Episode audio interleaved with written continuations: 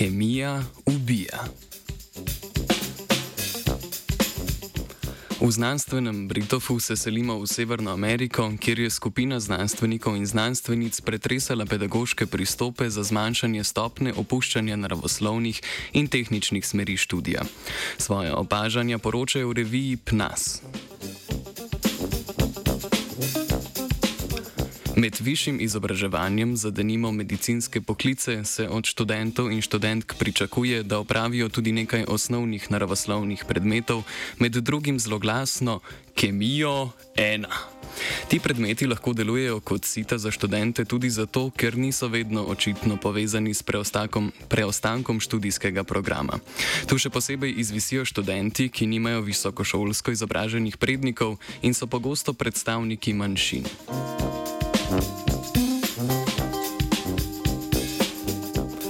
Raziskovalci in raziskovalke so okoliščine psihologizirali in se vprašali, kaj pa če je vse v njihovih glavah. Da bi študente spodbudili k pravilnemu razmišljanju in prepoznavanju, kako bo kemija ena pozitivno vplivala na njihovo kariero, so pripravili vrednostno intervencijo.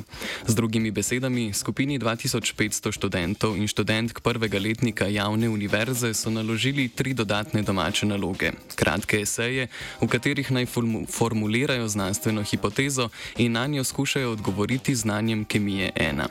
Poleg tega naj razmislijo še, kako bo pridobljeno znanje uporabno bodi si za njih osebno, bodi si za pomoč drugim. Po koncu semestra Kemije 1 so na to študente spremljali v nadaljnih letih študija.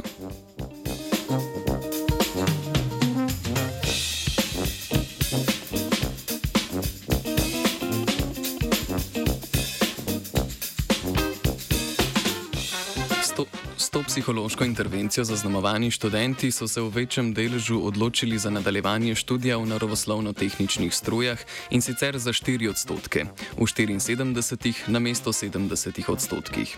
Za predstavnike manjšin je bila ta sprememba večja, delež se je povečal za 14 odstotkov. Prav tako so ti študenti v preostanku do diplomskega študija izbrali več naravoslovnih predmetov. Ker je raziskava potekala v Združenih državah, je bil profil študentov, morda simptomatično, omejen zgolj na raso in izobrazbo staršev. Zakaj ta omejitev ni jasno?